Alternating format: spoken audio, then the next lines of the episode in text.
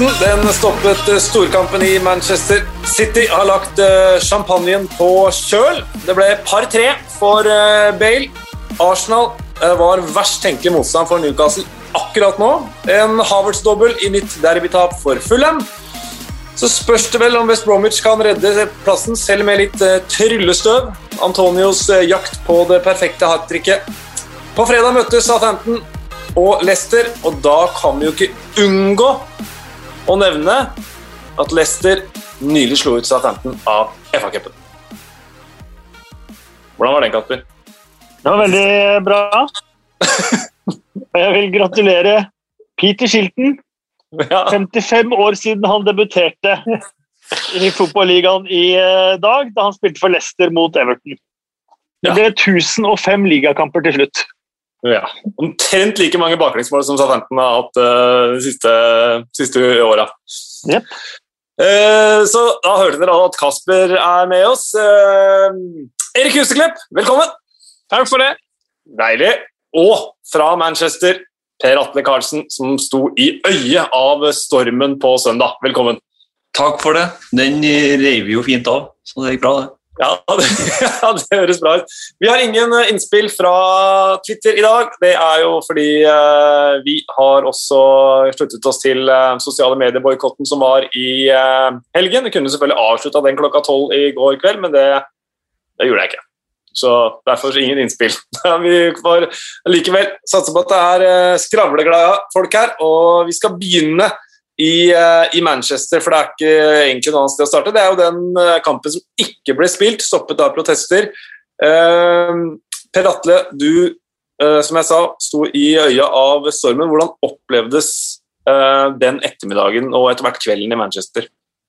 Nei, det ble jo en ganske, ble en ganske heftig dag eh, etter hvert. Eh, det starta jo egentlig forholdsvis rolig, eh, i hvert fall utafor Old Trafford. Det hadde jo møtt opp en, en 200-300 mennesker utafor spillerhotellet til Manchester United i, i, i sentrum her, som, som blokkerte bussen og, og, litt sånne ting. Men på Old Trafford så var det, var det ganske rolig. Selv om det var mye mennesker, så, var det Eh, i kontrollerte former helt frem til rundt, eh, rundt klokka to lokal tid. Eh, det var jo da protestene var satt til å begynne. Og klokka to så, så for jo denne folkemengden Jeg regner med at det kanskje var en 4000-5000 på det meste. Det er selvfølgelig litt vanskelig å se når du står på, på første rad si, med, med, resten av folkene i øyehøyde. Det var ikke så lett å telle, men det var, det var fullt av folk. i hvert fall, og det var rundt klokka to ja, så, så, så, dro jo hele den mengden her ned mot München-tunnelen. altså De tok seg forbi um, gjerdene som, som, var satt opp, og, og, ned mot den tunnelen. Og så var det jo enkelte som man så som tok seg inn på, på banen og sånne ting. Men det, det var egentlig, altså sånn Protestene i seg sjøl gikk jo egentlig greit for seg. Eh, du er aldri populær der hvis du går rundt som, som journalist eller med et kamera. Eh, Eh, og det tror jeg var felles for alle. Så, så, så en i min rolle, eller en, en, en kameramann f.eks., han opplevde noe kanskje litt, eh, litt mer ampert enn det kanskje var mellom supporterne. Mm. Eh, for at vi er jo automatisk hata, selvfølgelig, for vi er jo med på det her. og så TV-rettigheter, bla, bla, bla, hele den biten der. Eh, så, så, det gikk egentlig forholdsvis greit, som sagt, men, men på slutten, når, når, politiet skulle begynne å, å rydde området, og, og sånne ting, så, så, tok det litt av. og Da, da ble det kasta flasker, det ble eh, ja, kasta gjerder. Eh, har jo sett noen bilder det. Var, jeg tror det var en, en seks politibetjente som, som ble skada etter, etter greiene der. så, så så, så, alt i alt så, så, så syns jeg jo Manchester United-supporterne kan være godt fornøyd med protesten, for de fikk jo til akkurat det de ønska. Eh, men så, så, er det jo alltid sånn da, når det er store folkemengder samla, så er det alltid noen som, som, ødelegger litt for resten, og det er så også her. Eh, for vold og sånn, i hvert fall i mitt hode så hører ikke vold og fotball sammen, uansett hvordan du blir og, og, og vender på det. Og, og den, den, gjengen som, som gjorde det, den det er selvfølgelig ikke bra, eh, men igjen, det var heller ikke eh, et, et vakthold eller et, et politioppmøte på, på, Old Trafford som, eh, som satt noen gode rammer, eller det skal, det skal også sies. Så Så det eskalerte litt uh, utover, også når det ble mer og mer ampert og, og stemninga steg, det, det, overrasker meg egentlig ikke. Men alle er ute med, med livet i behold, og, og det er jo tross alt det viktigste. Det er det. Du var på jobb, øh, Kasper, satt og kommenterte samtidig. Hvordan, øh, hvordan opplevde, opplevde, du det å, å, å, kommentere og samtidig ikke kunne følge det direkte, men øh, antar at du har meninger om det likevel? Jeg har definitivt meninger om det, og det er jo som det har vært snakket om tusen ganger nå, det er jo et glass som på en måte er smekkfullt, og som ikke bare fikk noen dråper, men som fikk, ble, ble helt på i, i glasset med dette Superligaen. Og det finnes mange måter for supportere å, å, kommunisere sin misnøye med, men akkurat når det kommer til Manchester United, så har jo Gleserne vært fullstendig fraværende i 16 år og aldri lyttet til eh, supportere eller noen. Aldri hatt innledet en eneste konversasjon med f.eks. Manchester United Supporters Trust. Eh, og da er på en måte vi, Man lever i et demokrati og hvor demonstrasjoner er på en måte en, en del av eh, en måte å uttrykke seg på. og det er akkurat som Pratte sier, Så lenge man holder seg på innenfor uh, lover og regler og, og ikke tyr til vold og sånt noe. Uh, men, uh, men, at man sa fra, det syns jeg var helt på sin plass. At man sa fra på en så tydelig måte også. Så er jeg selvfølgelig ikke jeg heller fan av, av det som endte med verken vold eller, eller, annet. Men at man sier fra tydelig, det jeg, støtter jeg fullt ut. og Jeg håper på mange måter at det er starten på noe som en prosess, eh, kanskje både i Manchester United og andre steder, hvor, eh, hvor, man kommer inn på det der med at supporter skal høres. da. Eh, og, eh, og, og, ikke nødvendigvis med 50 pluss 1-modellen, eller sånt, for det tror jeg kanskje er, ure, tror jeg, tror jeg er urealistisk. Men eh, man er ikke så langt unna at det kan bli obligatorisk med at én eh, at supportere skal ha én styrerepresentant i hver klubb, f.eks. For, for Superligaen skjedde jo ved at Ingen ble informert, ikke manager, ikke spillere, ikke supportere. Eh, de bare gjorde det bak ryggen på alle. Eh, hvis man hadde hatt én supporterrepresentant i hvert styre, så hadde ikke det vært mulig å gjøre på den, den måten. Og det er jo det er egentlig det det handler om, at man har en, blir hørt og har en slags medbestemmelsesrett, de som faktisk har, eh, har følelsene tilknyttet til klubben. De som er opptatt av klubbens beste, ikke bare de som er opptatt av aksjonærenes eh, beste. Og det, det er nok en prosess vi er inne på, at man må, man må få til noen av de, de tingene der da, før. Eh, og det kommer til å være støy fram til, til, det kommer noe konkret. det er redd. Erik, du har spilt i, uh, i Brann, uten sammenligning for øvrig med Manchester United, men i Portsmouth, i Birmingham, i, uh, i, stolte fotballklubber, i stolte fotballbyer, og helt sikkert kjent på en måte den uh, altså supporternes mening. Hvordan, hvordan så du denne, denne, ettermiddagen? Nei, det er jo mye av det de allerede har sagt. at det er jo jeg synes Det er fint at supporterne virkelig gir beskjed om hva de mener. Uh, og Det er sånn det skal være. Uh, og Dette her handler jo veldig mye om at supporterne til Manchester United de føler jo ikke at de har blitt hørt siden de glazerne tok over. Og Jeg er jo redd for at de ikke kommer til å bli hørt i fremtiden. og Jeg håper jo at, uh, at det blir gjort noe som gjør at de kan eh, bli hørt. For det tror jeg er den eneste måten til at, at de eh, aksepterer at glazerne er der. Eh, fordi at Jeg ser jo det også som veldig urealistisk at de kommer til å selge Manchester United. Det er jo ingenting som tyder på det. og Da har jo man en en, en, gående konflikt. og Da må de heller gå inn og se hva de kan gjøre for at, at, eh, at eh, støynivået i hvert fall går litt ned. Og da er jo Kasper inne på der at, eh, at de må føle at de blir hørt på noe. fordi Ellers så, så blir jo ikke du bedre. Nei, jeg så det var, eh, det var noen sånne uh, pundits som de kalles i England, som var inne på at uh, Glacieren har brukt mye penger på overgangsmarked og sånt. og Det fikk vel United-supporterne en, en, allierte i Jamie Carragher i går tror jeg, på Monday Night Football, som mente at det var latskap å, å trekke fram det som et argument. fordi Glesjøen har tatt så mye penger ut av klubben nå, da. Eh, så det handler ikke bare om eh, hvor mye penger de har brukt siden Ferguson ga seg, men det handler om, om at klubben var gjeldsfri i 2005 og nå har eh, enorm gjeld takket være oppkjøpet. Så Det tror jeg er viktig at uh, hvis man ikke har fått med seg det, at folk er klar over det. At uh, det, ikke, det, handler ikke om hvor mye penger som blir brukt på overgangsmarkedet, men kanskje hvordan klubben styres uh, også økonomisk. Da, som, den er jo et penge, pengesluk, ja, Per Atle? Og Det kan jeg bare, bare, fortsette litt, bare for at folk skal forstå litt hva denne feiden egentlig dreier seg om. Da, for det her bunner jo, bunner jo i at når når Glazer-familien eh, kjøpte klubben i 2005, eh, så betalte de nesten ingenting fra egen lomme. Eh, de tok opp et lån, eh, og så la de da gjelda på klubben sine skuldre. Eh, og Dette er snakk om en, en, fotballklubb som har vært gjeldsfri eh, helt siden 1930-tallet.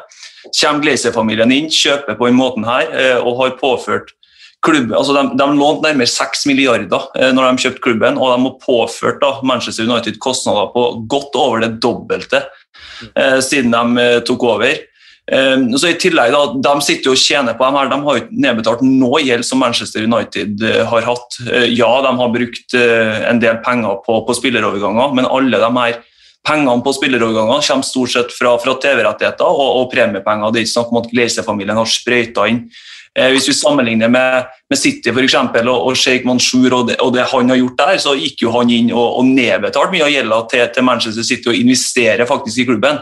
Eh, men det har jo ikke Glazer-familien gjort i hele tatt. De er, mer, de er, opptatt av egen profitt. Og, og, Malcolm Glazer, da, som kjøpte klubben i 2005 eh, I 2014 så, så solgte han jo, eller han, han, han, ga en del av aksjene sine til, til ungene sine. Han har jo seks barn, det er det som utgjør Glazer-familien. Eh, og Det fører jo da igjen til at de tar ut mer profitt hele veien, for da skal alle ha aksjeutbytte. ikke sant? Så De sitter jo bare på sin høye hest i, i USA og, så, og, og, teller penger. og egentlig så, i hvert fall som det snakkes om i, i britiske aviser og blant, blant, eh, i, i britisk, eh, blant britiske journalister, det er jo at det her har gått relativt uh, upåvirka for, for Glazer-familien. De, de, de bryter seg så, så, fryktelig mye, virker det som, og det er ingen som tror at de kommer til å selge. Eh, men nå har jo Manchester United Supporter Trust de har sendt et åpent brev til Glazer-familien eh, med punkter, krav til endring. Eh, og de krever et offentlig svar innen fredag. Og så skal det jo sies at de Protestene kommer til å fortsette hvis de ikke får svar. Den United Liverpool-kampen er satt opp til å spilles den 15. mai-helga. 16. eller 17. mai. Og da, Det hviskes allerede om, om, nye protester i, i Manchester den, den helga så det altså, Noe må skje på den ene eller andre sida. Eh, hvis ikke så, så kommer det her til å, til å, fortsette. Og så er Det jo sånn, eh, det også Glazerne har, har, gjort, er at de har latt veldig mye stå for fallet. Eh, Old Trafford er jo ikke det det en gang, eh, en gang var. Old Trafford eh, får ikke et malingsstrek eh, engang. Eh, og det er virkelig å bære preg av at det begynner å være forfall. Området rundt Manchester, eller Old Trafford det ser ut som det er tatt ut fra en Mad Max-film etter hvert, i hvert fall på, på kveldstid. Carrington eh, på ingen måte det det, det var, for de tingene får stå og, og forfalle. Og man samtidig ser eh, eh, eiere på motsatt ende av, av, byen. Nå er de der av helt andre grunner og hvitvasking og sånt noe.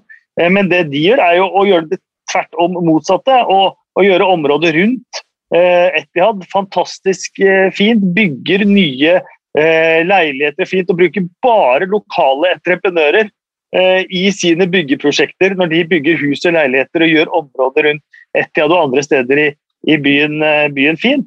Eh, så er det jo ulike motiver, selvsagt, eh, men forskjellene blir, eh, blir så tydelige i en og samme by. da, når det er to klubber som drives så forskjellig. Kampen, da, den som du sier, Beate, var det helga 15. mai da må vel innebære at Liverpool en kamp mot West Bromwich blir flytta en annen plass. og alt sånt. Så Det er jo en voldsom kabal som skal gå opp her, for det er ikke mange datoer å ta av. Nei, det er ikke Liverpool har kamper, United har kamper, det spilles andre kamper, TV-rettighetene Alt skal på en måte, på en måte passe inn i, i, det regnestykket her. Men det, det er i hvert fall den, den helga jeg har hørt at det har blitt, blitt snakka om blant, blant dem som er, er borti her. og så så gjenstår det å se da, om, det, om, det, blir det, eller om man, man finner en annen dato. Men den kampen må jo spilles på et eller annet tidspunkt. Uh, så, så, det er i hvert fall det jeg har hørt nå, at det, at det 16. og 17. mai da, er de mest, mest nærliggende datoene, akkurat sånn som det ser ut nå. Ja, ja West Bromwich har vel antageligvis rykka ned til helga, så da kommer det ikke å spille så stor rolle for dem om uh, den kampen spilles på i løpet av kort tid fra en annen match. Uh, Det var et eller annet jeg kom på når du sa det, der, Atle, men nå har jeg glemt igjen. Var, uh, du sa et eller annet klokt. Mye klokt, men uh, klokt.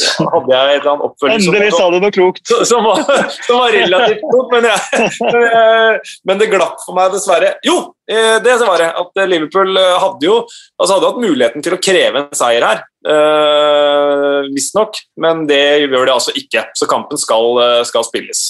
Uh, Ok, uh, Vi har allerede snakket om Manchester City, så da kan vi ta deres kamp i helga først. Uh, eh, 2-0-seier borte mot uh, Palace. Sergio Aguero med det foreløpig siste målet for Manchester City.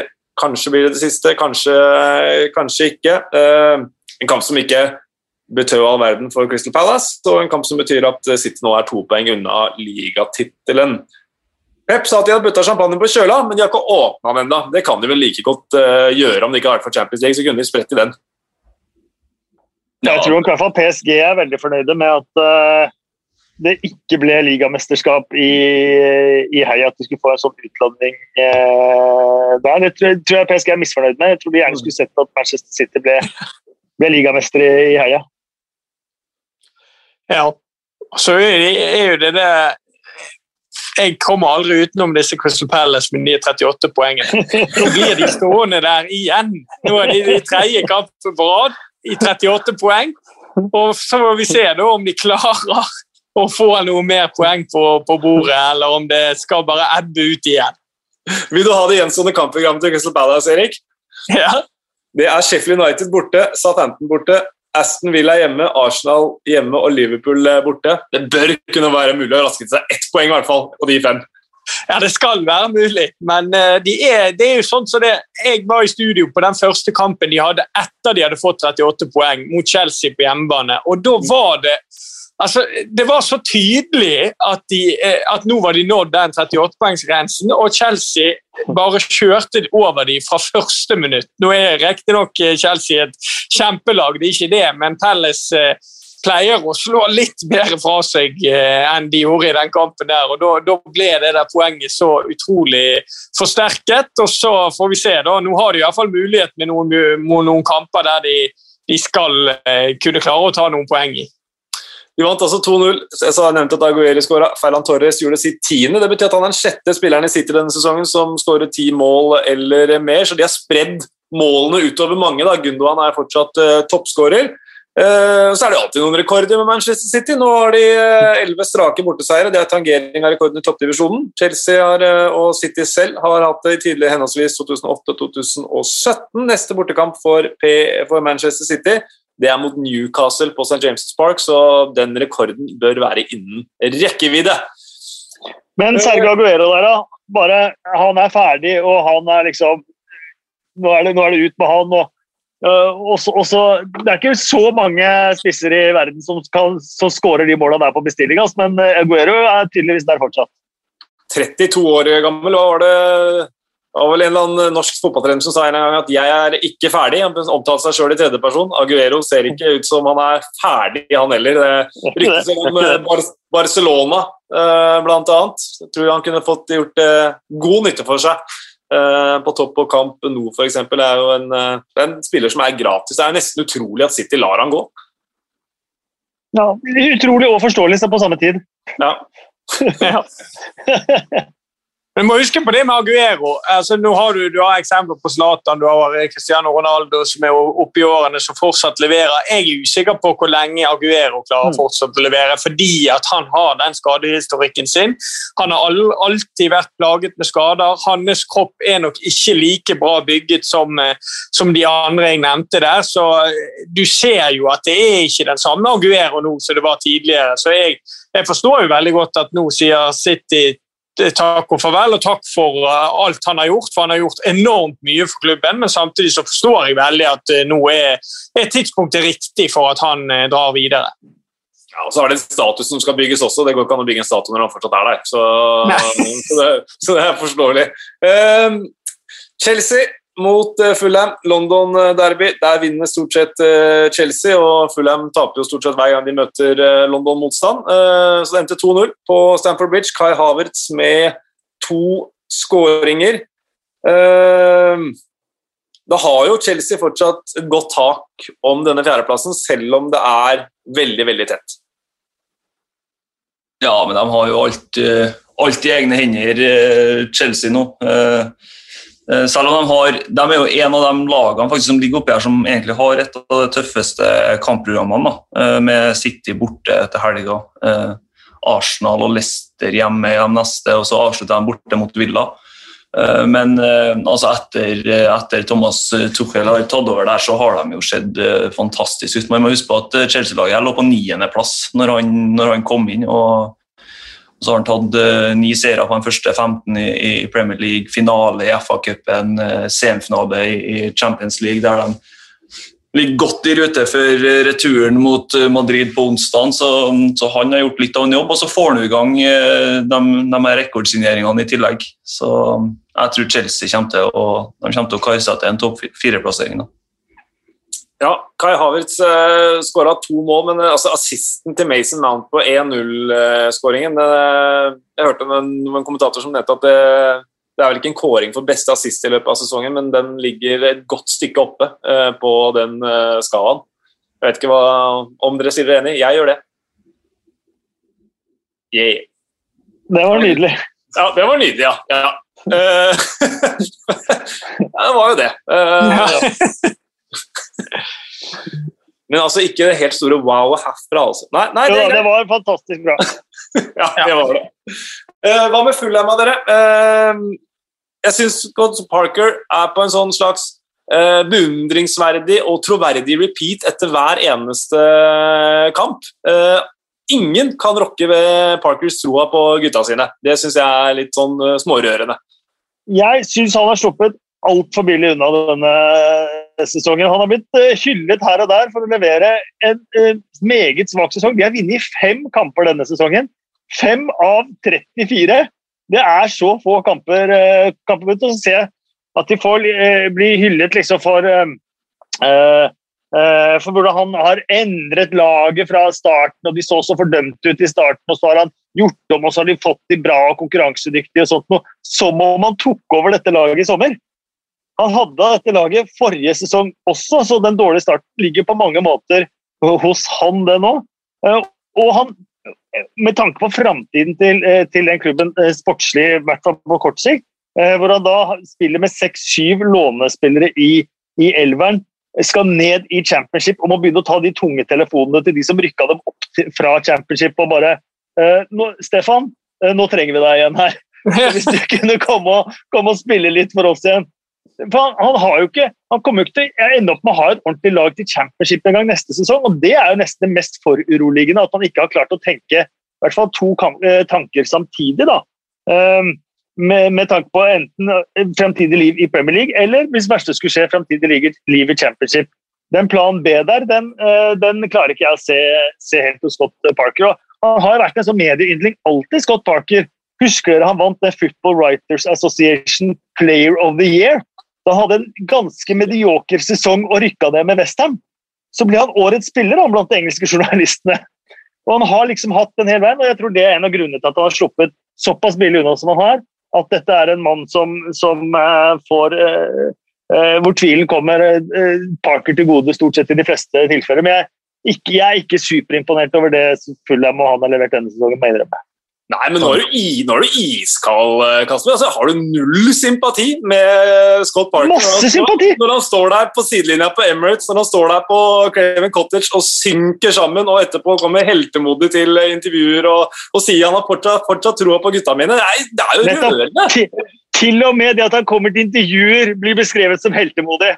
Da skjønner du Nei, ikke at han kommer til intervjuer, men hvordan han framstår. Han må stille i intervju, så det Det er sikkert, det er sikkert klesstilen som gjør det. Han har noen enorme jakker, den fyren, så da, da, må man bare være sympatisk. da.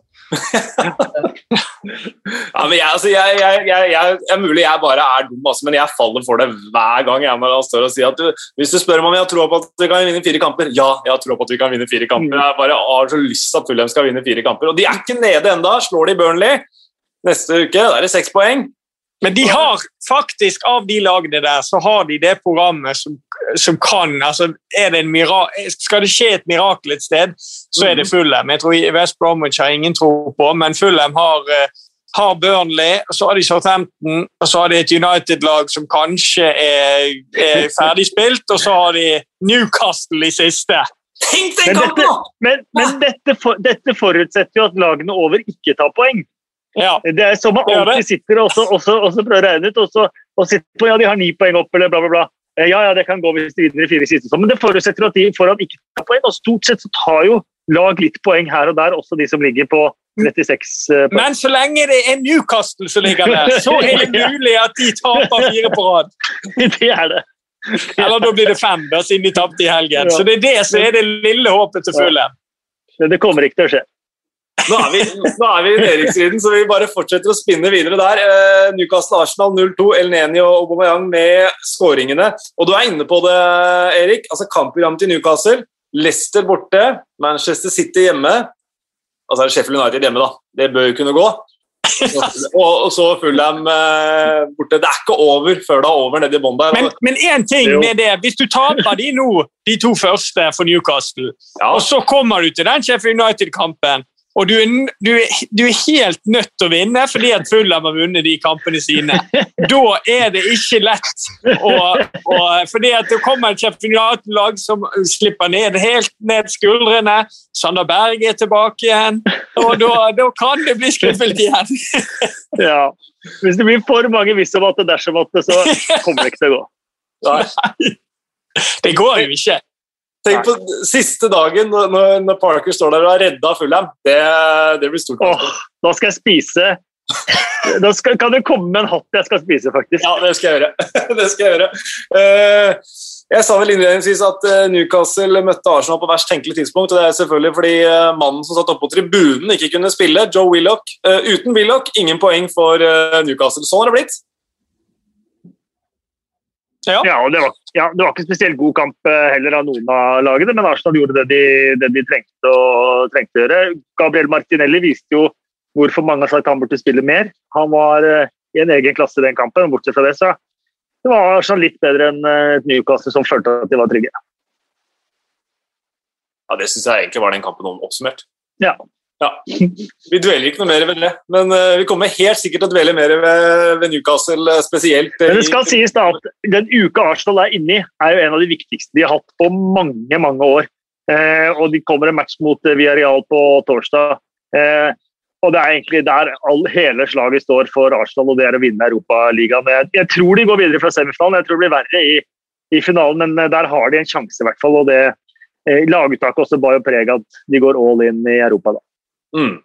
Men jeg er litt usikker. Jeg òg tenker jo at Arsenal skal klare det, men eh, denne første omgangen nå sist mot Viral var, var skremmende. da, Mm. altså, Arsenal er jo utrolig heldig så de får med seg den eh, 2-1, eh, det resultatet der. og det er klart Emery kommer tilbake der og eh, har så lyst til å stikke kjepper i hjulet. Og han har vært i en drøss med finaler i Europa League for ulike klubber. Så, så det, det, jeg, det jeg, vil ikke, jeg er glad jeg ikke har Teta til inngangen til denne kampen, her, for det, det er ikke enkelt. Good evening. Yeah. Vi får se på torsdag om det blir en good evening eller uh, om Teta uh, står nå og kommer til Europaliga-finale. Uh, på Tottenham Hotspur Stadium så var det Gareth Bale-show. 4-0. Tre ganger Bale, én ganger sånn. Hvilken av de tre Bale-målene var din favoritt, Beate? Tror det, var, tror det var det andre, når han kom, når han kom alene der og dunka han i krysset. Det, var, det er så klinisk. Altså, det, er så, det, er- det Bale på sitt, eh, sitt beste, spør du meg. Og han har jo vært på sitt beste etter, etter eh, ja, nyttår, februar. Det var da han begynte å, begynte å gå. Én skåring før, før, før nyttår, og så har han åtte siden slutten av februar og fram til nå. Så, eh, så han, har, han har funnet formen. eh, og det var ja, det var, det var, jeg synes spesielt det andre målet var, var fint. da. Den skåringen der er litt sånn eh, Sorry. Jeg skulle bare si at det her, jeg synes at når du først henter Gareth Bale, når du er Mourinho og du er Tottenham og henter Gareth Bale, og du vet hva toppnivået han har, så syns jeg det er veldig rart at han har blitt sittende så mye på benken at du ikke bare har bestemt deg. Ja, det kommer til å ta litt tid før han er i form, men bare spill han, spill han, spill han helt til han er i form. For da vil du få så mye igjen for det til slutt. Eh, I hvert fall gi det en sjanse. da. Jeg føler jo at eh, han har vist nå på vårsesongen her at um, det bor mye i han ennå, men eh, han er aldri en spiller som trives veldig hvis det er for mye inn og ut og tre minutter spilletid der og tre minutter spilletid der. Så der tror jeg er en av de største tabbene Mourinho gjorde. At han ikke bare gamblet på at han eh, skulle komme i slag. Da. Men det er, jo, det er jo risiko, det òg, selvfølgelig. Men det er jo det vi har snakket om i podkasten her før om med Gareth Bale. er jo det at Uansett hvor lite han har spilt for Real Madrid, og uansett hvor dårlig han har spilt for Real Madrid, og uansett hvor langt unna kampform han har vært, så har han spilt briljant for Wales. Eh, og det, det, bare forteller meg liksom at han må være lykkelig og han må ville det ordentlig eh, når han skal spille fotball. For i enkelte kamper i Tottenham også, så har han jo sett fullstendig giddaslaus ut å spille for José Mourinho. Men når han trives, når han eh, føler at dette her er et prosjekt jeg vil være med på, så, så, så er han jo en fantastisk fotballspiller. Kanskje mye det at han har vondt i vilja. At det er liksom litt der Eh, der forskjellen ligger på en briljant Bale og en uinteressert Bale. Uh, får ta med oss sånn også. Han hadde én mål og én målgivel. Da er han oppe i uh, tosifra i begge de kategoriene denne sesongen. Det er han sammen med Harry Kane og Bruno Fernandes. Uh, ingen, ingen, målpoeng på, på nevnte Kane. Det... Jeg kan oppleve det. Tottenham vinner 4-0, og, ja. og Kane er ikke involvert i noe. Nei, jeg, jeg, jeg det er ikke ofte. Nei, nei, nei, jeg har ikke noe statistikk på det her, Erik, men jeg kan ikke tenke meg at det er eh, Det må høre med til sjeldenhetene. Det har sikkert aldri skjedd. Eh, noen kan sikkert finne ut av det. Eh, men 4-0, det er solid. Men vi kommer, altså Sheffield United de har vært fryktelige, og de fortsetter. Nå er de, nå er de historisk dårlige, med 27 tap i en sesong. I klubben, altså. Så det er jo passe, passe tamt. En som ikke var tam, som fremsto som alt annet enn tam, det var John Fleck, eh, som slapp mm. unna med en ordentlig eh, stygg stempling på Lo Celso. Eh, og det, altså det, er mye interessant med det, selvfølgelig, men, eh, men i VAR-rommet der satt Peter Banks. Og det var samme mannen som sendte Chris Kavanagh til monitoren for å se på Balbuenas utvisning for en uke siden. Men her skal ikke dommeren til monitoren. Det er jo Altså, Vi har snakka mye om VAR, og kommer sikkert til å snakke mye mer om det, men det er nok en av disse uforståelige eh, sammenligningene. Jeg, jeg kan ikke fatte hvorfor ikke, John, eller hvorfor ikke dommere ble bedt om å gå til monitor på det. Eh, dette var jo sesongens klareste røde kort, det kan man jo ikke komme unna. Eh, han trampa en motstander i trynet. Det, liksom, det blir jo ikke så mye verre enn det. Eh, jeg tror det handler litt om eh, selvtilliten eh, til disse dommerne nå. Peter Banks fikk gjennomgå så massivt etter det røde kortet sist, hvor han satt i varerommet. Og at de begynner å både tvile på seg selv og tvile på, på ting, ting, rundt. og at det, det, er det som gir seg utslag. Jeg klarer ikke å finne noe særlig annet annen anledning eh, eller annen forklaring på hvorfor, på hvorfor ikke dommer ble bedt om å gå til skjermen og vist ut ja, Han har ikke til å gå til skjermen engang, bare vist ut eh, John Fleck. Jeg synes jo kanskje, altså, Handlingen er jo ful nok i seg selv, men reaksjonen etterpå også bare, det, er, det, er, det, er, det, er, null anger, da. Det er bare helt dumt på Lo Celso. Bare hva er det du filmer for, liksom? Du har fått knotter i trynet. Ja. Nei, det var uh, en stygg sak fra fra John eh, Fleck, men han uh, slapp unna med det. Jeg vet ikke om han kan tas i ettertid, kan vel kanskje ikke det nå som det er, uh, var og sånn. Der må jeg ærlig innrømme at det er, er det hull i min kunnskap om man kan straffes retrospektivt, for det kunne man vel i hvert fall før. Man må jo kunne det fortsatt. I og med at man også kan oppheve røde kort, så kan man jo også ja. straffe etterkant. Så det vil jeg tro. Ja, vi får se. I går kveld så var det eh, altså går kveld, da snakker vi mandag, det er tirsdag i dag. Det spiller jo ingen rolle for dere som hører på når dere hører på, men eh, det var iallfall kveldskamp da, på, på Turf Moor. Og det var en ordentlig morsom fotballkamp. Burnley mot eh, Westham 1-2. Chris Wood sendte Burnley i føringen. Michael Antonio tilbake, og med et såkalt smell To skåringer. Westham fortsatt ordentlig på jakt etter den Champions League-plassen. Ble ordentlig imponert av Westham i går, det må jeg si. Uh, nå skulle jeg gjerne hatt et sånn brodd av et spørsmål, men det har jeg ikke. Uh, noen som har uh, en tanke eller tre om, om, den kampen, eller om et av lagene? Eller? De har, vel, de har, vel, aldri hatt bedre sjanse i hvert fall til å, til å kvalle til Champions League enn de har nå. For det, det, det kampprogrammet de har igjen, det er jo tross alt kanskje det letteste av de lagene oppi her, sammen med Chelsea. Uh, Everton hjemme, Brighton borte, uh, West Bromwich borte og Southampton hjemme uh, i de fire siste. Vinner de de fire kampene, eller tar de ti poeng der, så tror jeg de er, tror jeg de er i, Champions League. Og Det har de vel aldri vært før. De har vært i cupvinnercupen og vunnet den, klarte jeg å lese meg frem til, men Champions League har ikke de fått opplevd. De spilte jo Europa League-kvalik i 15-16 og 16-17, men klarte ikke å kvalite gruppespillet engang. Så det her er, det her er tidenes mulighet for Westham. David Moyes eh, har jo hatt et forsøk på Champions eh, League, men han er vel den eneste av de engelske klubbene som eh, røyk i Champions League-kvaliken da han endelig klarte fjerdeplass med Everton. ja. Da vi er real da òg. Det er jo litt artig med Vestheim at nå har de prøvd i år etter år å hente glamorøse spillere og spillere som eh, er på en måte Du, du ser navnet, og så tenker du åh, han skal spille i Premier League for Vestheim. Dette må jo bli bra, og dette har de holdt på med i årevis. De, de har gått på trynet hvert eneste år. Og så nå da, David Moyes, da er det liksom fra de som følger Westham, da har det vært liksom inngangen at ja, dette er litt sånn kjedelig, trist og traust. og ja, Det hender vel midt på tabellen og ikke noe å glede seg over. Så er det han som virkelig har tatt de til det virkelig, der de virkelig kan ta det steget som de alltid har drømt om, og kanskje få Champions League-fotball inn på London Stadium. og da og da kan du bare tenke deg eh, noen navn som ruller opp da i, i forbindelse med Vestheim. Ja, altså øh, David Moyes har jo nå er jo, Vanligvis er jo manageren litt sånn defensiv, og sånn, men nå er, han, nå, er han, nå er han, litt på hugget. Altså. og sa at øh, nå vil han være skuffa hvis det ikke blir øh, Europa. Uh, og Han jo inn med brask og bram.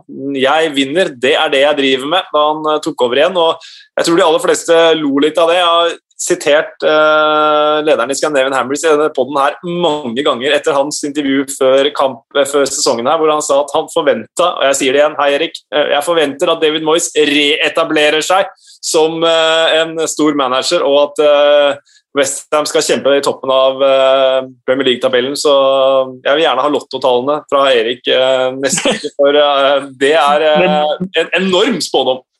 Det blir vel Conference Europa League til slutt, da. Det kan det godt bli. Det kan det godt bli. Men han har i hvert fall gjenopprettet et skarpkjørt rykte, David Moyes. Det er det ingen tvil om. Interessant intervju også med Michael Antonio etter kampen. Han fikk spørsmål om de, liksom, de nedtonede feiringene sine, og han sa rett ut det er VAR. Det er VAR sin skyld. For han, mm. han liker, å, liker, å, danse litt, og sånt nå, men uh, å stå der og danse, og så kommer det en hems eller noe, det gidder han ikke. Derfor så har han da tona med, uh, med feiringene sine. Det var jo akkurat som frykta, og sikkert uh, Kasper, du har vel jeg kan vel si forventa fra deg. Ja, selvfølgelig. Det er jo, og det er trist, da. Men ja. Sånn er det. Folk vet hva jeg mener.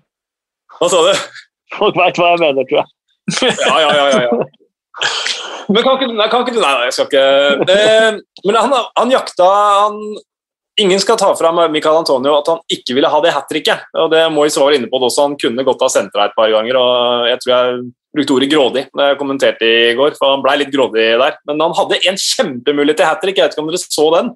Eh, hvor han eh, får et eh, skudd fra Fornals som han skyter i, med høyrebeinet i sitt eget venstrebein. Eh, og jeg synes jo intervjuet hans etterpå hvor han sa at ja, jeg jakta det perfekte hat tricket. Så derfor han måtte slå den fra høyre til venstrebein. Han hadde en med huet, en med høyre, så han måtte få en med venstre også. Så, men det går jo an å tulle litt når man har, når man har vunnet en tøff bortekamp.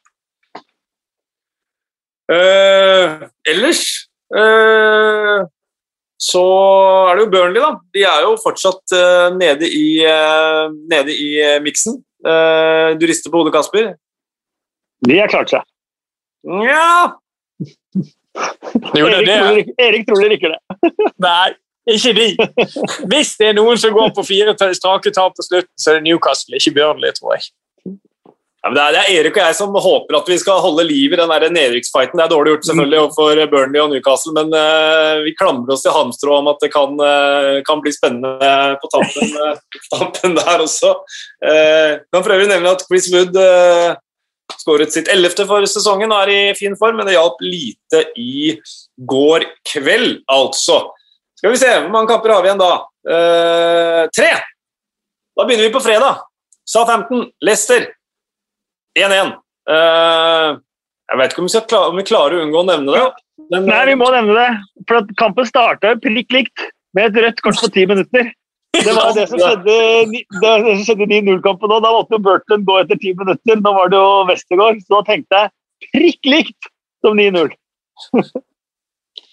Ja, da tror jeg det gikk en del kalde gys eh, nedover ryggen til en del Southampton-fans når, når det røde kortet ble plukket opp der. Men eh, de hadde helt annet, en helt annen respons eh, denne sesongen enn, eh, eh, forrige sesong. Unna har gått fryktelig ille. James Madison var jo centimeter unna å benytte seg av det frisparket der òg. Har de fått eh, to sånne i fleisen, eh, altså rødt kort og skåring imot, så har det vel eh, blitt enda mer skjelving i buksene bortpå. Ja, det, det hadde vært eh, ubehagelig. Uh, Leicester skåra altså ett mål på 22 skudd i den kampen. her. Jeg sier det bare fordi de skåra 9 på 25 i, uh, i den kampen, som jeg ikke har nevnt. uh, men som eh, og I og med at jeg ikke kunne følge Twitter i helga, så fikk jeg ikke fulgt den eh, veldig fine kontoen som heter Har én av de 09-kampene en av de to 09-kampene blitt nevnt i forbindelse med Southampton? For vi kommer aldri, aldri unna det. Kommer sikkert til å fortsette med det eh, så lenge Southampton er, eh, er en fotballklubb, og det håper vi er lenge. Eh, det var ikke så morsomt, egentlig. Uh, Brighton- mot uh, Brighton. La, la meg spørre om det. Kan, kan, kan Leicester uh, Tror du at Leicester kan ryke ut av topp fire her? Å ja. ja. Jeg tror det. De må et tøft program. Ja, det er det, er det. men det er, det, er, det er syv poeng, da. Eh, og så møtes jo Tottenham og Leicester. og Da kan man si det er fire poeng, og det er fortsatt mye poeng å tape på fire kamper. altså. Ja. Eh, men de klarte jo å surre det fullstendig bort forrige sesong. Eh, jeg tror den Crystal Palace-kampen på mange måter var nøkkelen. Da de lå under 0-1 der, så tenkte jeg åh, hva skjer det igjen? Eh, men så lenge de klarte å snu 2-1 mot Palace der, fikk med seg et poeng etter å ha blitt liggende under mot Southampton Det skal mye til, i hvert fall. Men det er det eneste jeg skal være litt være i hvert fall med på at det kan diskuteres. Men så må vi huske på det at de skal jo ha Newcastle til helgen, eller neste kamp. Og, da, og der taper jo Newcastle. Så da har de fått tre poeng til. Det var jo det vi var enige om, var ikke det, Espen? Jo, jo, jo, jo. vi var enige om det. Eh, og så har jo Leicester Manchester United og FA Cup-finale mot Chelsea og kamp mot Chelsea og Tottenham, så det er uh, ingenting eh, er, eh, er avgjort uh, der heller. Så det kan, og vil høyst sannsynlig gå til eh, siste dagen i, i sesongen hvem som tar de eh, fire øverste plassene. Eh, da var det eh, ja, den siste kampen hvor det ja, Brighton Leeds, du kan ta det på den siste, nest siste. 2-0. Pascal Gross med 1-0 og Danny Welbeck med 2-0. Nå har eh, Brighton spilt eh, to kamper mot Leeds uten å slippe inn mål. De har vært klart best i, i begge matchene. Eh, tja, jo Welbeck.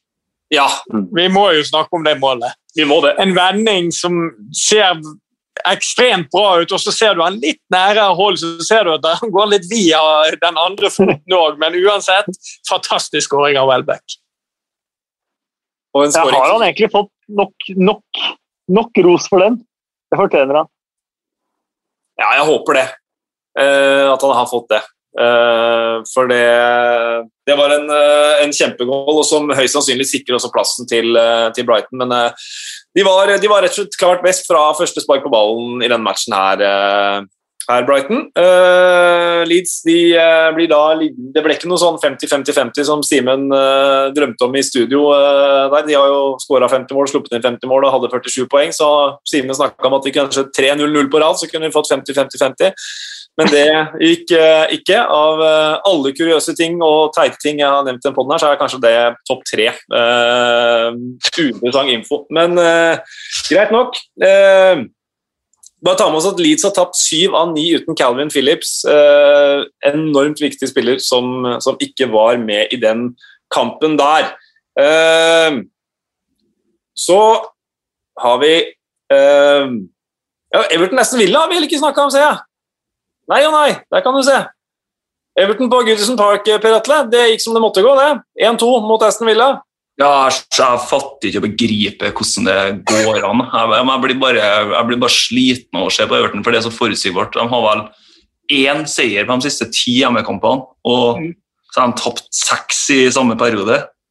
Uh, og det er, kun, det, det er, bare de tre nederste lagene på tabellen som er like dårlige som Everton, som har tapt like mye som Everton på, på hjemmebane denne sesongen. og det er helt, Jeg synes det er helt utrolig at de får Jeg, jeg, skjønner, jeg skjønner, ikke greia. Det må også det, det, sitter jo i, i, i pannelappen sikkert, men uh, at Angelotti ikke får til å vri ut mer av det der, jeg, jeg skjønner ikke. For de, de har jo vært har de har de hatt normal hjemmeform, bare, altså bare vært et, et normalt hjemmelag, så, så, har de jo vært helt oppi her og, og kjempa om den Champions League-plassen. De gjør jo for så vidt det ennå, men, men det, det, går ikke med hjemmeformen her. Det kan jeg bare glemme.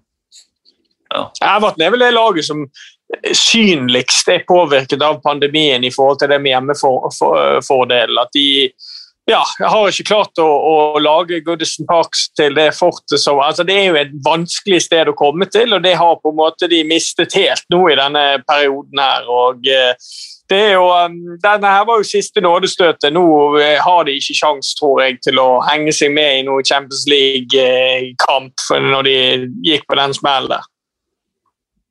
Det er noe med, det med Mercyside-lagene der altså under, eh, under, pandemien. Liverpool, samme, samme greia. Eh, så det er tydelig at det, det er kanskje de to, to, av de lagene som er mest avhengig av, eh, av støtten fra, fra publikum. Men jeg syns det, det, er rart uansett at altså, de er så dårlige som de er da, på hjemmebane.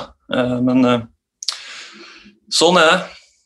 Var, var forresten innom og forresten innom eh, til, til Joshua King på, på søndagen. Han fikk jo, fikk jo ti minutter igjen, han. Eh, som innhopp der. Eh, jeg tror han er litt, litt frustrert eh, over hvordan tilværelsen har blitt på, på Goodison Park. Så det skal bli spennende å se hvor han spiller neste sesong. For jeg tviler på at det er der.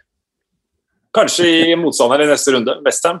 De tenkte jo Westham som sånn ideelt sted for King å dra i januar, men de, de henta jo Lingard. Det gikk jo greit, det òg. Westham la jo inn bud på, på, King, men ja. de fikk jo, fikk jo avslag. Så ville, Bournemouth ville heller gi inn fra seg gratis. Ja. Så, ja. Logisk. Ja, sånn er det.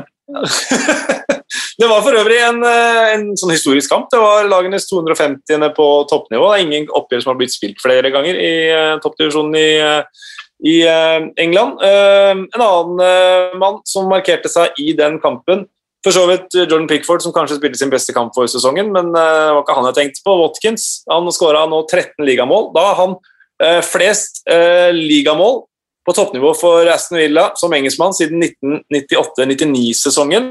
Og alle husker selvfølgelig hvem den som skåra 14 mål den sesongen var. 98-99? Ja. Engelskmann på Aston Villa. Dublin? Nei. Han har, to, han, har to, han har to fornavn. Men det ene er etternavn, da.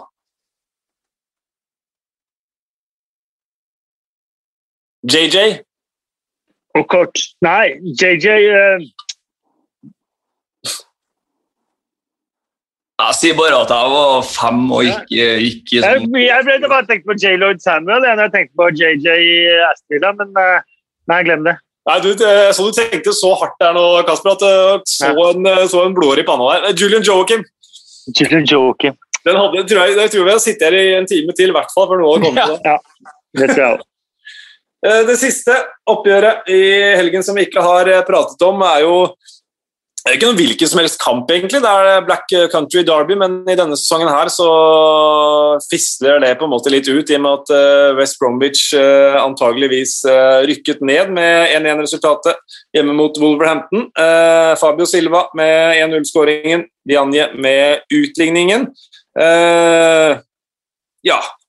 Selvfølgelig et hett derby, men uten publikum så blir det jo aldri det samme. og jeg vet ikke om det er noen som har noen uh, sterke meninger om akkurat den matchen. Jeg må ærlig innrømme at det har ikke jeg. Og ikke dere heller, høres det ut som. Nå gjorde jeg klassiske lærefeilen og ikke vente et par ekstra sekunder, for du skal alltid la folk få tenke før de skal si noe, men uh, jeg var egentlig mest opptatt av å kvitte ut den kampen. Sorry til alle West Bromwich og Branton-fans der ute. 1-1 i en kamp som går i glemmeboka. Uh, men det som har skjedd i helga ja. Det var, det var jo uh, at uh, sånn nedrykksmessig i championship noe av uh, det, Lagt opp til noe av det mer dramatiske av en, av en sisterunde. som man kan glede seg til til helga før man går løs på, på playoffen. det så ut som da Derby leda der, så så det ut som de var klare, nedrykkslagene klare. Og så snudde det, så Derby ble liggende under.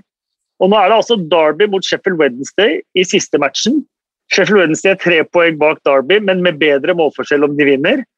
Eh, så vinneren av Taperen av de to jo, av den kampen vil jo rykke ned. Men du har også så har du Rotherham, som er tre poeng bak, og de spiller jo i kveld mot Luton. Så de kan jo sette seg rett i førersetet, for de har også bedre målforskjell. Og så er det Wickham også tre poeng bak, men de har så dårlig målforskjell at de kan ikke hente seg opp. Uansett med mindre de vinner 14-0 eller et eller annet uh, sånn.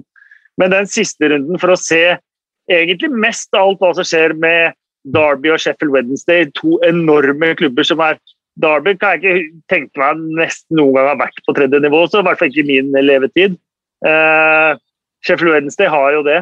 Eh, men den avslutningen, eh, avslutningen eh, der blir jo helt, helt ellevill. Jeg tror det kan bli første gang i historien at begge Sheffield-klubbene rykker ned. hvis Wednesday ikke klarer seg. Jeg mener jeg leste det for noen uker siden. Ingen god sesong for Sheffield. Nei. Ingen. Per Atle.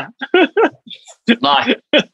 Sheffield United Dessverre. Det, men det er trist, da. Skulle gjerne hatt dem eh, en sesong til altså Sheffield United snakker de om. Sheffield Venstre de får bare gjøre som de vil. Men Sheffield United skulle jeg gjerne hatt, eh, hatt en sesong til i, i Premier League, men, eh, men den gang ei.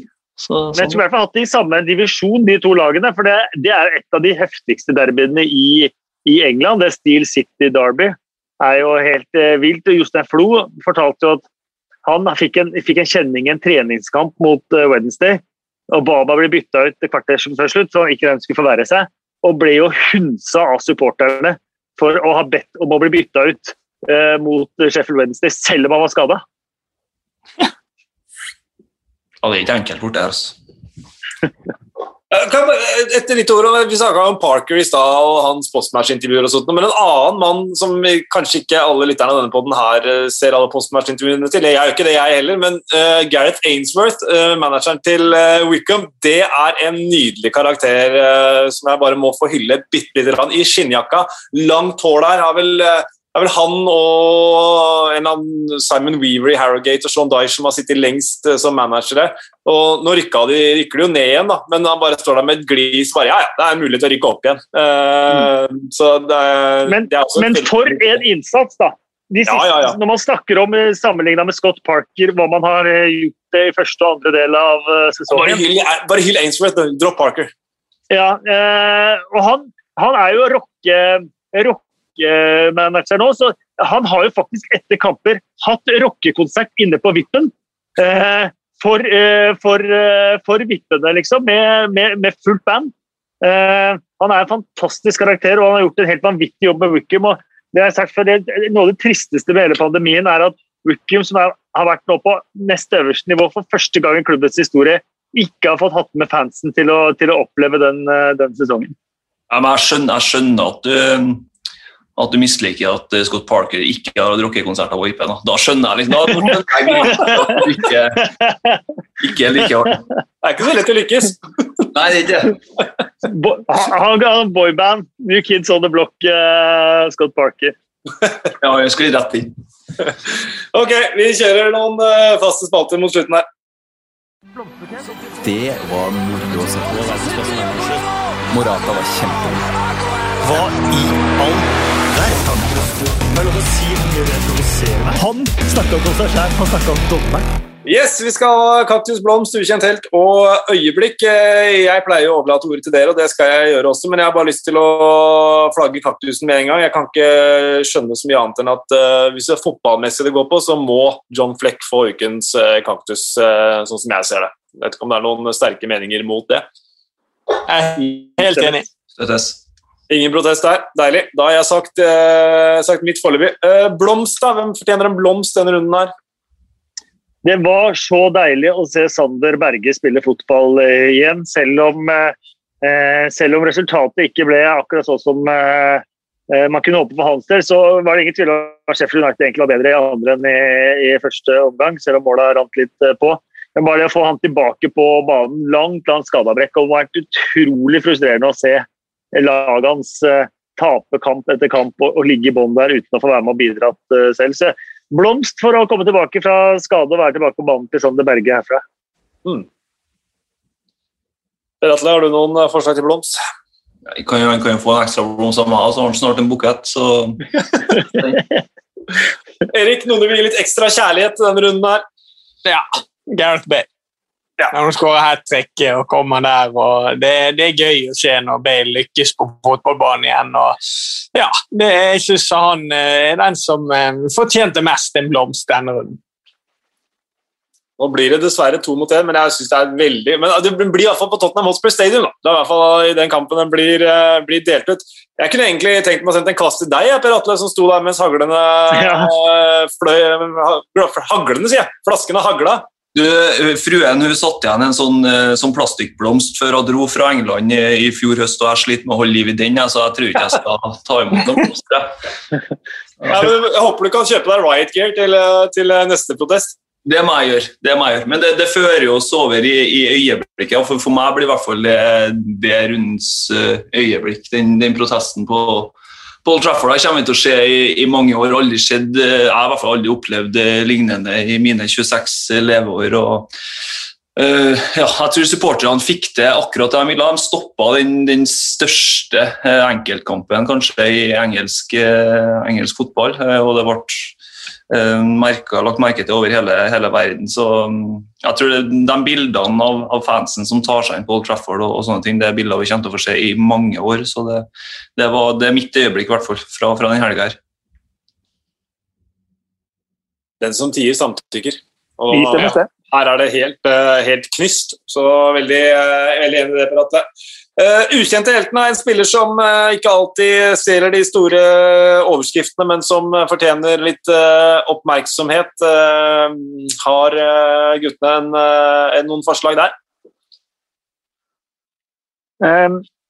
Jeg syns jo at en som har imponert meg hele sesongen, som på en måte har kommet i skyggen av sine makkere og litt sånn, men som er en klassespiller som jeg tror kommer til å bli landslagsspiller for England eh, fort med tider og stunder og kommer til å få en kjempeovergang. Så kanskje han ikke er så ukjent, men eh, Ben White i, eh, i Brighton eh, syns jeg er en strålende fotballspiller. Altså. Mm. Det er et godt forslag. Noen andre forslag? Jeg har egentlig to. Eh, ja. ja. Lagkameraten til Ben White, Dan Byrne som hadde Dan Burn-hat-tricket med selvmål, eh, gult kort og lage straffe mot Wolverhampton tidligere. Eh, den er litt søk, jeg ser den, men han så plutselig ut som en sånn skikkelig wingback. I, wingback på 3,5 meter, det er ikke ofte du ser. Men jeg er kanskje enig at Ben White er kanskje litt bedre kandidat. Eller Manuel Lanzini på Westham, som spilte sentral midtbane i går og gjorde det på helt utsøkt vis ved siden av Thomas Sucek. Det var et Westham uten Declan Rice, uten Mark Noble, med ekstra ansvar på Sucek og Lanzini ved siden av seg. Jeg syns han var uh, mm. Lanzini egentlig skal få den, ja. Jeg tror kanskje jeg bruker den vetoretten jeg påberoper meg nå, til å gi den til Manuel Lanzini. Uh, ja, det er gjort. Så er det Bill Edgar denne uka her, da, Kasper. Flott! Arsenals syv siste. Aldri skjedd! Første gang siden er den sjette spilleren. Fun factsene til Bill Edgar. Bill Edgar, eh, statistikkmann i eh, The Times. Eh, så kommer sine statistiske betraktninger i bilaget The Game på, på mandagene.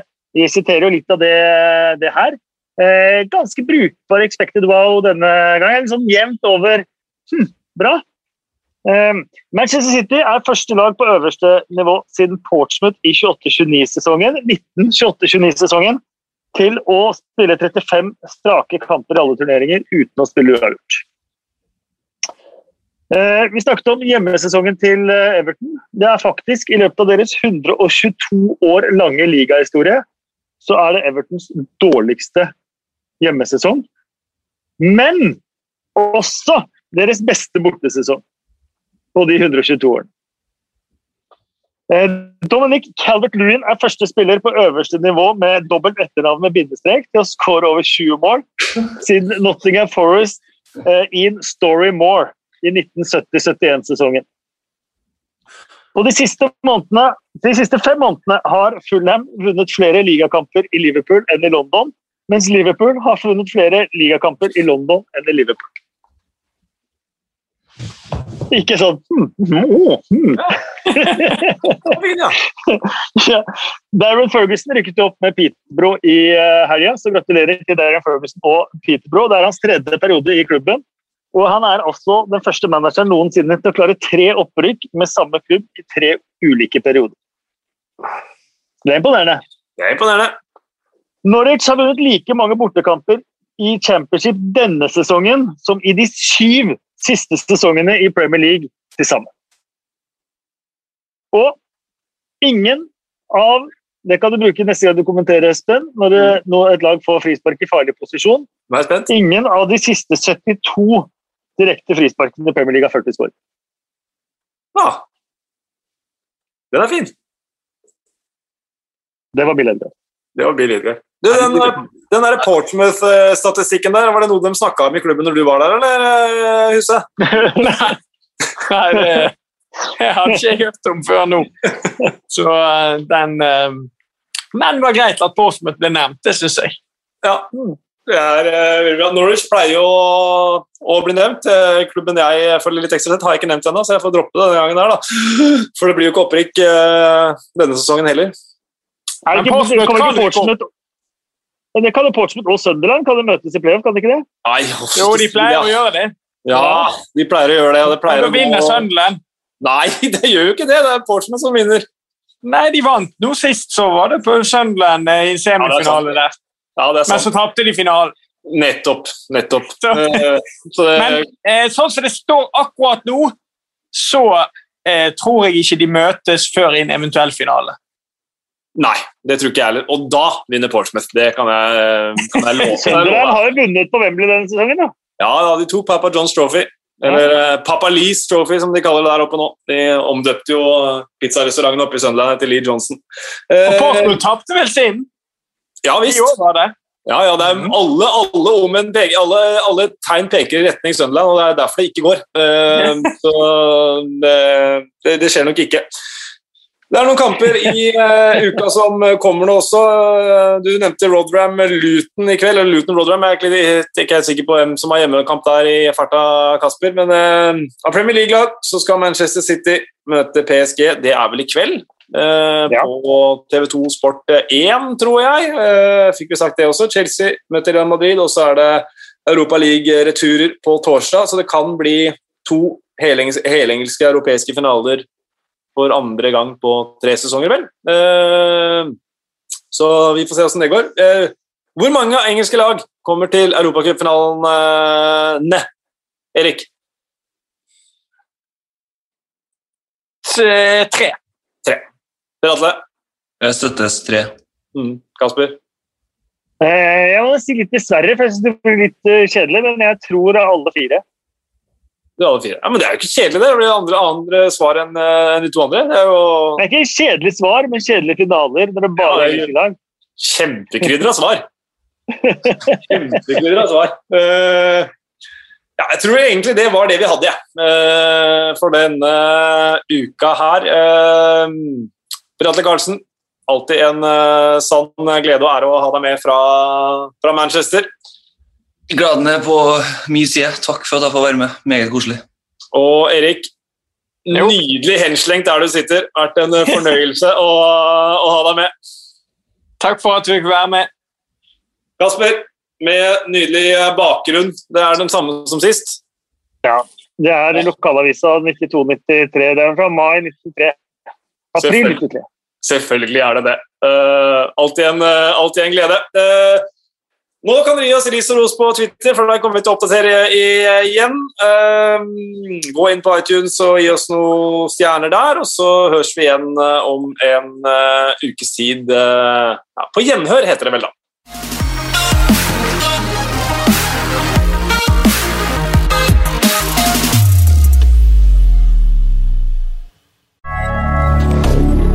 moderne media.